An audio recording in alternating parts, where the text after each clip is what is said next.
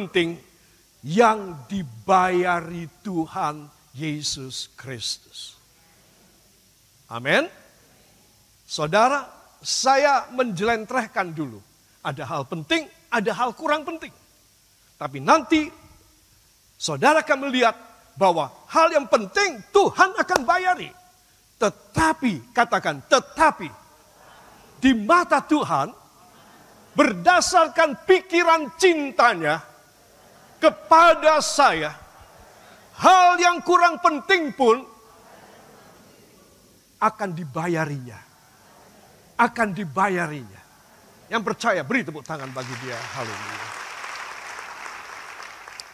Saudara, selalu kita harus mengklasifikasi dan membuat sesuatu sesuatu pembedaan mana yang penting itu harus diutamakan. Itu dalam hidup orang. Jangan yang kurang penting diutamakan. Maka semua akan merugi, semua akan celaka. Yang paling penting harus diutamakan. Itu manusia normal, manusia intelek. Manusia yang punya pikiran. Yang kurang penting sisihkan dulu. Saudara. Makanya saya bagi dua. Hal penting dan hal kurang penting. Mana yang akan dibayari oleh Tuhan? Saudara, pasti menurut pikiran saya, pikiran Anda yang penting dulu. Benar. Dan yang kurang penting nanti dulu. Itu kalau saudara, itu kalau saya. Semua katakan, bila Tuhan selain yang penting dibayarinya, yang kurang penting pun akan dibayarinya dalam nama Yesus. Amin. Haleluya. Puji Tuhan. Para kekasih, perhatikan. Saudara saya mengambil satu uh, rangkaian ayat dari Matius 25 ayat 21 sampai 24. Mohon dibuka pada Alkitab saudara. Kita akan membacanya. Satu, dua. Maka kata tuannya itu kepadanya, baik sekali perbuatanmu itu, hai hambaku yang baik dan setia.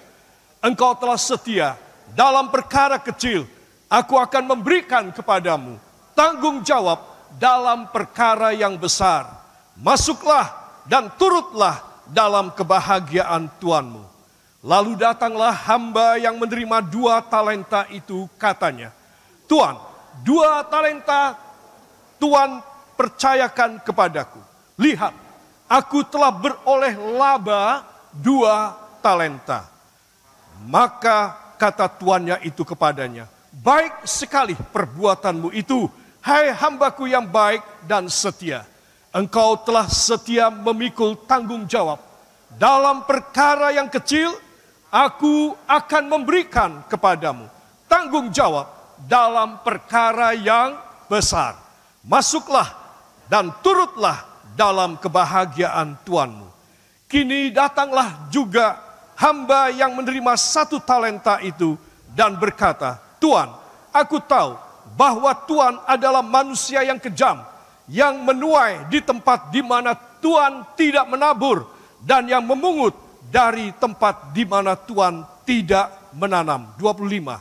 Karena itu, aku takut dan pergi menyembunyikan talenta Tuhan itu di dalam tanah.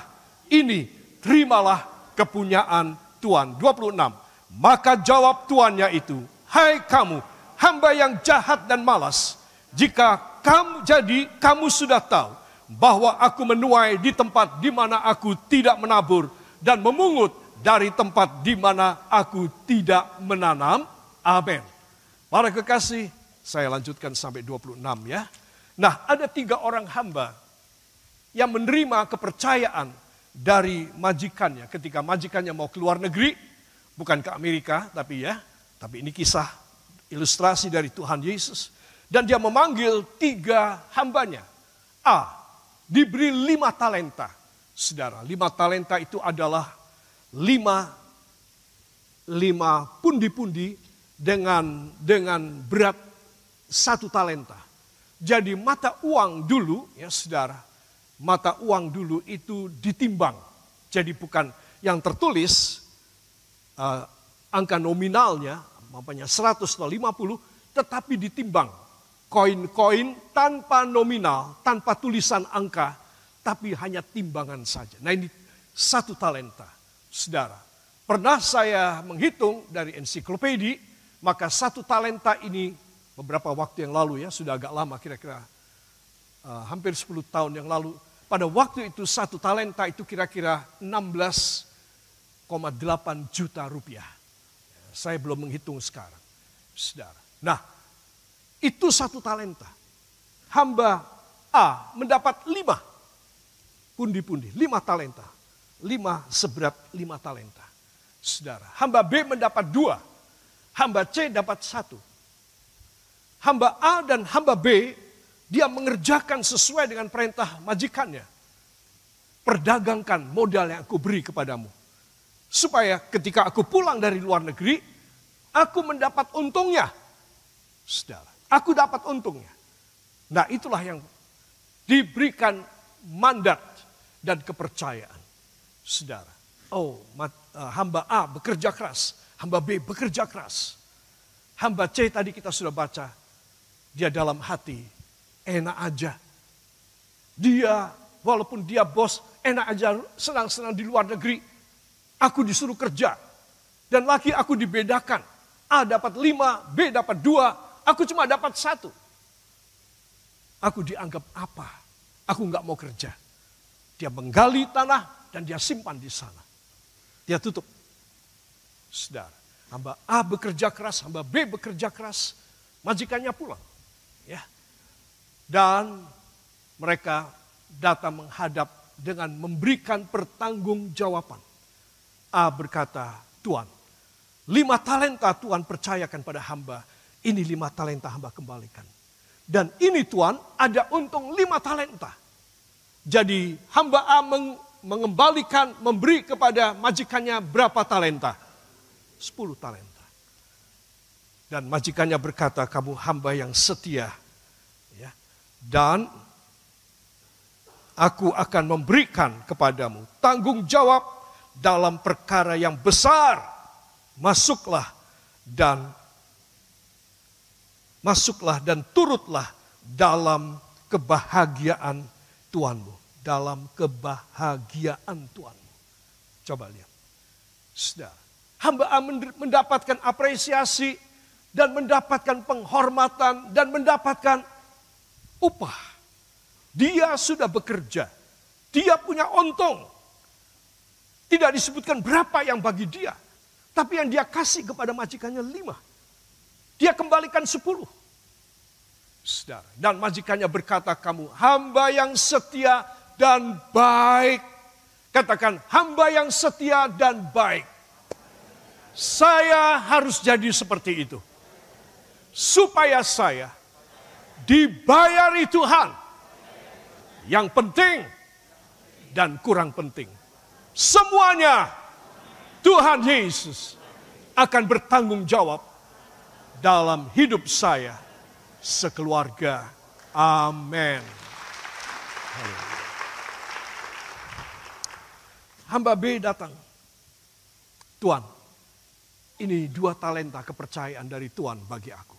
Dan ini dua talenta keuntungannya aku berikan kepadamu.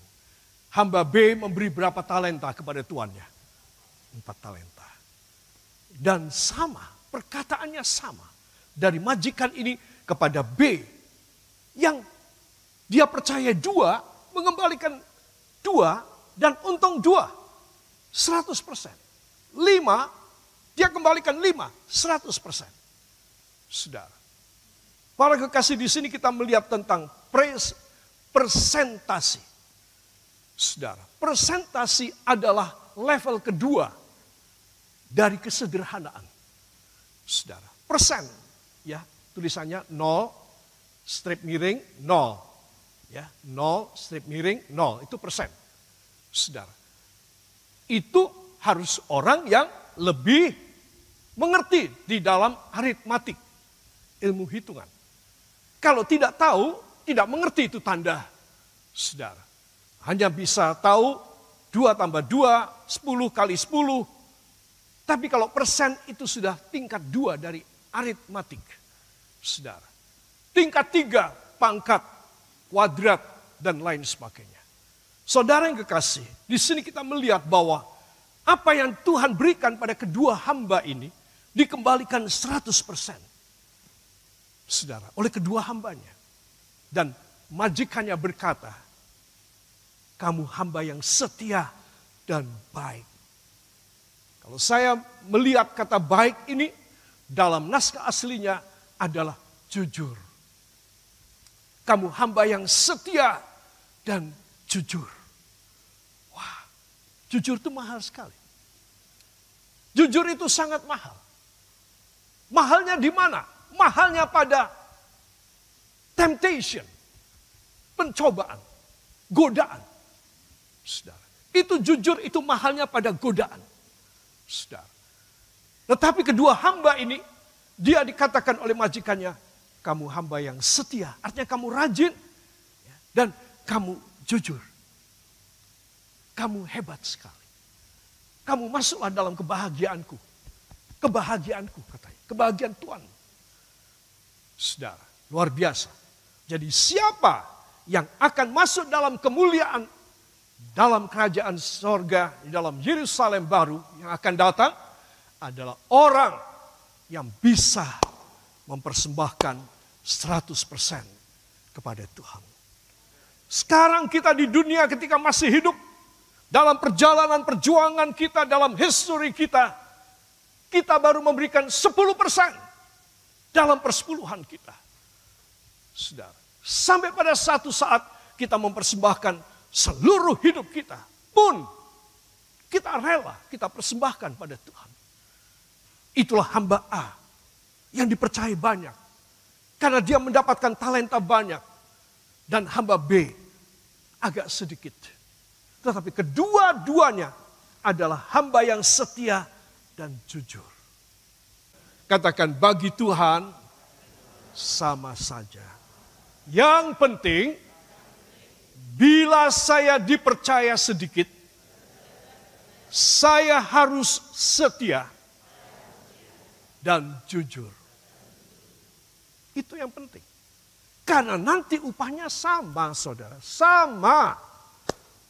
Tuhan tidak membedakan upahnya nanti. Saudara. Dan ini yang menjadi prinsip saya dalam pelayanan pekerjaan Tuhan. Saya tidak mengutamakan dan tidak punya target tentang jumlah. Bagi saya yang terpenting adalah kualitas dari jemaat. Kalau saudara menjadi kesaksian, saudara diberkati, saudara melakukan mujizat, saudara punya hal-hal yang dahsyat dalam hidup saudara, wah itu sudah pahala buat saya. Itu sudah menyenangkan Bapak. Karena apa? Karena bagi Tuhan, katakan karena bagi Tuhan, lima talenta dan dua talenta sama penghargaannya, sama hadiahnya sama apresiasi Allah. Sama. Kenapa mau menyakiti hati Tuhan? Kalau sama kenapa? Cukup kan? Para kekasih itu sebab saya ingin mengajak semua saudara. Untuk tidak mengerahkan semua potensi, energi, pikiran, kemampuan saudara. Untuk mencapai cita-cita saudara. Itu duniawi, itu rakus. Kerahkan hati saudara untuk menyenangkan hati Tuhan. Itu namanya setia dan jujur. Dan saya ingin, saya belum mencapainya. Saya ingin mencapainya. Dan saya ingin supaya jemaat juga mengerti akan prinsip ini. Hal yang penting dan yang kurang penting sesungguhnya di mata Tuhan akan dibayari semuanya. Dan yakinkan diri saudara. Saudara, kalau Tuhan melihat saudara jujur dan setia, Tuhan memberkati saudara itu luar biasa. Saya yakin. Saudara tidak rakus, saya tidak rakus, Tuhan akan memberkati kita luar biasa. Yang penting adalah menyenangkan hati Tuhan. Jangan pakai target-targetan, tidak usah. Karena dia mau memberkati mereka yang setia dan baik, lima talenta. Kasih sama majikan 10 talenta saudara. Masa disamakan dengan yang kasih pada majikan 4 talenta? Apakah majikan ini, apakah adil apa enggak? Nah ini pikiran manusia. Kalau orang dihadapkan pada dua kasus ini, orang kan membuat satu judgment, satu penilaian hukum, enggak adil. Dia dipercaya banyak, ya dia harus lebih tinggi. Jangan disamain dengan yang dipercaya sedikit. Nah ini manusia. Ya, saudara. Tetapi kalau seorang di hadapan Tuhan, dia taat dan menyerahkan hidupnya kepada Tuhan. Saudara, dia menyenangkan hati Tuhan, dia meletakkan targetnya. Dia meletakkan cita-citanya. Supaya Tuhan yang handle, Tuhan yang memberkati. Rasul Paulus mengatakan, aku yang menanam, Apolos yang menyirami. Tetapi Tuhan yang menumbuhkan. Saudara, tidak semua aku kerjakan, kata Paulus. Aku bukan segala-galanya. Memang Tuhan memberikan wahyu kepadaku banyak. Kepada sidang-sidang jemaat aku memberikan tulisan-tulisan wahyu Allah masing-masing secara spesifik pada jemaat-jemaat Korintus, Galatia, Efesus, Kolose, Filipi, Aku memberikan Tesalonika, aku memberikan orang-orang Ibrani, aku menuliskan khusus buat mereka. Memang aku menerima banyak. Tetapi aku persembahkan semua kepada Tuhan. Dia mengatakan, aku yang menanam. Udah selesai, aku tanam, aku tandur. Ya. Dan Apolos datang. Orang-orang sebetulnya mempertentangkan dua hamba Tuhan yang hebat ini. Paulus dan Apolos. Saudara. Dan mereka suka masuk di antaranya. Jemaat pindah ke Apolos dan berkata kepada gembalanya, pendeta Apolos, Bapak Gembala Apolos, Bapak Pendeta Paulus itu orangnya begini, begini, begini. Orang dari Apolos pindah ke gerejanya Rasul Paulus dan berkata, Rasul, pendeta Apolos itu jelek sekali. Saudara, Paulus marah. Dia tidak suka. Ini pekerjaan Tuhan mau dicabik-cabik. Saudara. Karena itu seorang yang mempunyai satu jiwa yang jelek semacam ini. Maka Paulus membuat satu tulisan. Dan dia mengatakan, aku ini cuma tandur, nanem. Apolos yang datang kemudian dari aku, setelah aku, dia bawa air dan dia yang menyirami. Tetapi baik aku yang tanam dan Apolos yang menyirami, kami selesai kerjanya. Tuhanlah yang menghidupkan. Tuhanlah yang menumbuhkan. Tuhanlah yang memberikan bunga. Tuhanlah yang memberikan buah. Hebat ini orang. Ini gembala luar biasa, tidak rakus dia. Saudara. Saya ingin supaya semua saudara sadar. Hal yang penting dan yang kurang penting sama. Tuhan akan membayari keduanya. Katakan bila saja saya menjadi anak Tuhan, menjadi hamba Tuhan yang tidak rakus dan menyenangkan hati Bapa di sorga. Amin. Haleluya. Para kekasih, di hadapan Tuhan sama pentingnya. Jadi saudara jangan merasa minder wardeh. Aduh aku nggak bisa seperti dia ya. Dia kalau bermain musik bagus sekali. Dia kalau memimpin puji-pujian luar biasa. Dia kalau berkhotbah hebat sekali. Kalau dia berdoa, waduh bagus sekali. Dia kalau mencari jiwa selalu berhasil. Aku kok selalu tidak bisa ya. Dia kalau berkorban banyak sekali, aku cuma sedikit. Saudara, kalau saudara merasa ada kekurangan pada saudara, minta dong sama Tuhan. Tuhan, tolong tambahi talenta hamba. Supaya hamba boleh kau percaya lebih banyak. Dan hamba akan bekerja lebih banyak. Hamba akan persembahkan lebih banyak buat Tuhan. Saudara, saya dan saudara bisa punya prinsip dari cara Allah berpikir. Inilah yang saya dan saudara sering kali tidak mengerti. Kita hanya baca Alkitab, kita hanya mendengarkan khotbah orang saja. Tapi kita tidak bisa meresapi apa yang sebetulnya ada di hati Bapa.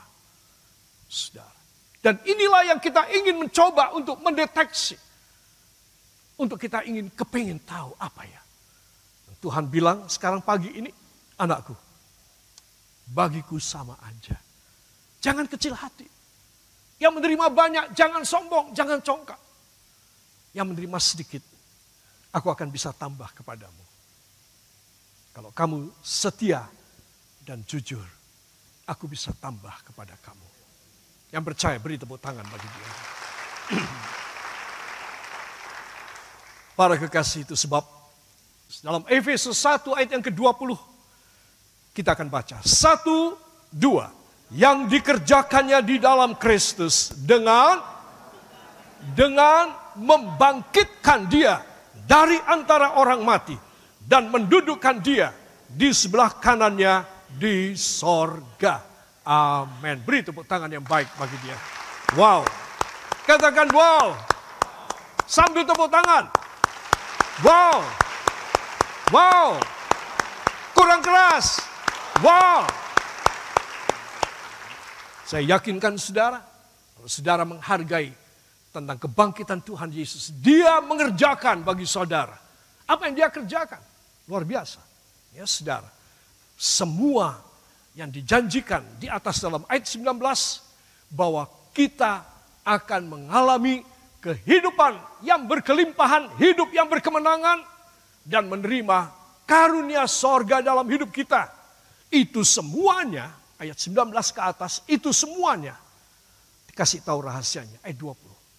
Yang dikerjakannya di dalam Kristus dengan dengan membangkitkan dia. Coba. Kalau Yesus hanya mati di kayu salib dan dia tidak bangkit pada hari yang ketiga, saudara, saya dan saudara kita hanya selalu meneteskan air mata duka karena dia mati karena dia mati, dia dikubur. Nanti pada akhir khotbah saya kalau masih ada waktu kita melihat para wanita yang menangis dan mengatakan bahwa mayatnya telah dicuri. Yohanes 20 ayat 13. Kita akan baca. Satu, dua. Kata malaikat-malaikat itu kepadanya, Ibu, mengapa engkau menangis? Jawab Maria kepada mereka, Tuhanku telah diambil orang dan aku tidak tahu di mana ia diletakkan. Amin. Ya. Tolong tanya pada samping Anda dengan hormat ya. Tidak usah buka masker, katakan apakah Tuhan Anda diambil orang? Tanya. Tanya tenanan tanya. Tunggu jawabnya. Apa jawabnya? Apa jawabnya? Tidak. Yang jawab tidak, beri tepuk tangan bagi Tuhan. Haleluya. Saudara, para wanita ini menangis di depan kubur yang kosong. Ya, saudara. Pintunya, saya sudah jelaskan kemarin, dalam kebaktian terakhir kemarin, bahwa kubur di sana tidak ada tutup. Maksudnya apa? Supaya kaum keluarga dan kerabat yang mau memberikan minyak urapan, minyak wangi, ya, parfum pada jenazah ini bisa. Saudara. Dan juga memberi bunga di sekitarnya. Kalau di sini nyekar, ditaburi bunga. Mereka tidak, mereka menuang parfum khusus untuk orang mati. Jadi tidak ada pintu, saudara. Tetapi khusus kuburnya Tuhan Yesus. Dikasih pintu yang berat sekali. Saudara.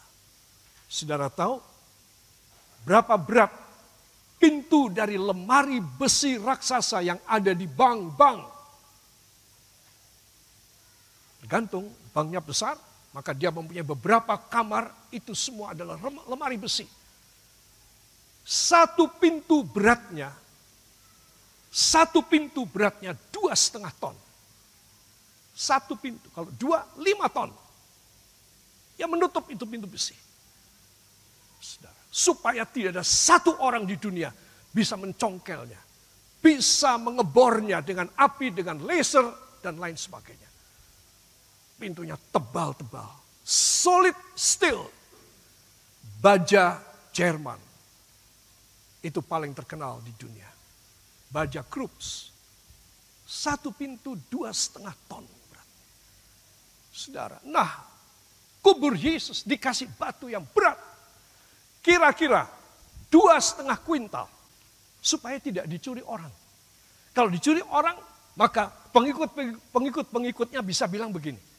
Oh guru kita sudah bangkit, Tuhan kita sudah bangkit. Mana nggak ada kuburnya, nggak ada jenazah lagi. Padahal dicuri. Itu adalah teori konspirasi. Ya. Teori konspirasi dalam dalam filosofi Christianity. Saudara, yaitu Tuhan Yesus dicuri. Dan itu diaminkan oleh beberapa kepercayaan yang lain di dunia. Juru selamatmu itu tidak ada. Sudah mati tapi dicuri oleh murid-muridnya dan dianggap sudah bangkit. Tidak. Yesus sudah bangkit dan dia menyatakan dirinya bahwa dia sudah bangkit. Para kekasih, itu sebab malaikat-malaikat itu melihat beberapa wanita ini dan kebetulan semua namanya Maria dan kalau dipanggil Maria tiga empat kepala langsung. Ya ada apa? Nah ini malaikat-malaikat berkata, makanya malaikat itu bilang, ibu, mengapa engkau menangis? Jawab Maria kepada mereka, Tuhanku telah diambil orang dan aku tidak tahu di mana ia diletakkan. Kok bisa Tuhanmu diambil orang? Tanya pada diri saudara. Kenapa? Kenapa aku bisa Tuhanku diambil orang? Sehingga aku tidak punya harapan lagi. Saudara. Nah inilah yang sering kali saya dan saudara membuat kita hidup tidak dibayari karena Tuhan Yesus kita sudah hilang diambil orang. Jemaatnya setia, setia, tapi nggak dibayari sama Tuhan. Saudara mau nggak setia sama Tuhan, rajin sama Tuhan, ngawulo bener-bener, tetapi saudara tidak dibayari, Tuhan tidak tanggung jawab sama saudara. Saya yakin saudara nggak mau. Nah ini perlu saya jelentrehkan. Supaya saudara tahu kenapa ya keluargaku tidak dibayari. Kenapa ya urusanku tidak dibayari. Kenapa ya kekurangan defisitku tidak dibayari. Saudara. Karena engkau mempunyai Tuhan yang hilang. Engkau sudah nggak punya Tuhan Yesus lagi. Tuhanmu sudah diambil orang.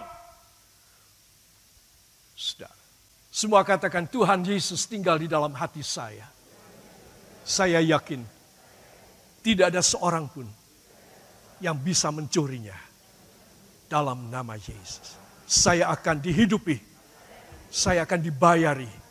Semua hal penting saya, ataupun kurang penting, dibayari Tuhan Yesus. Amin.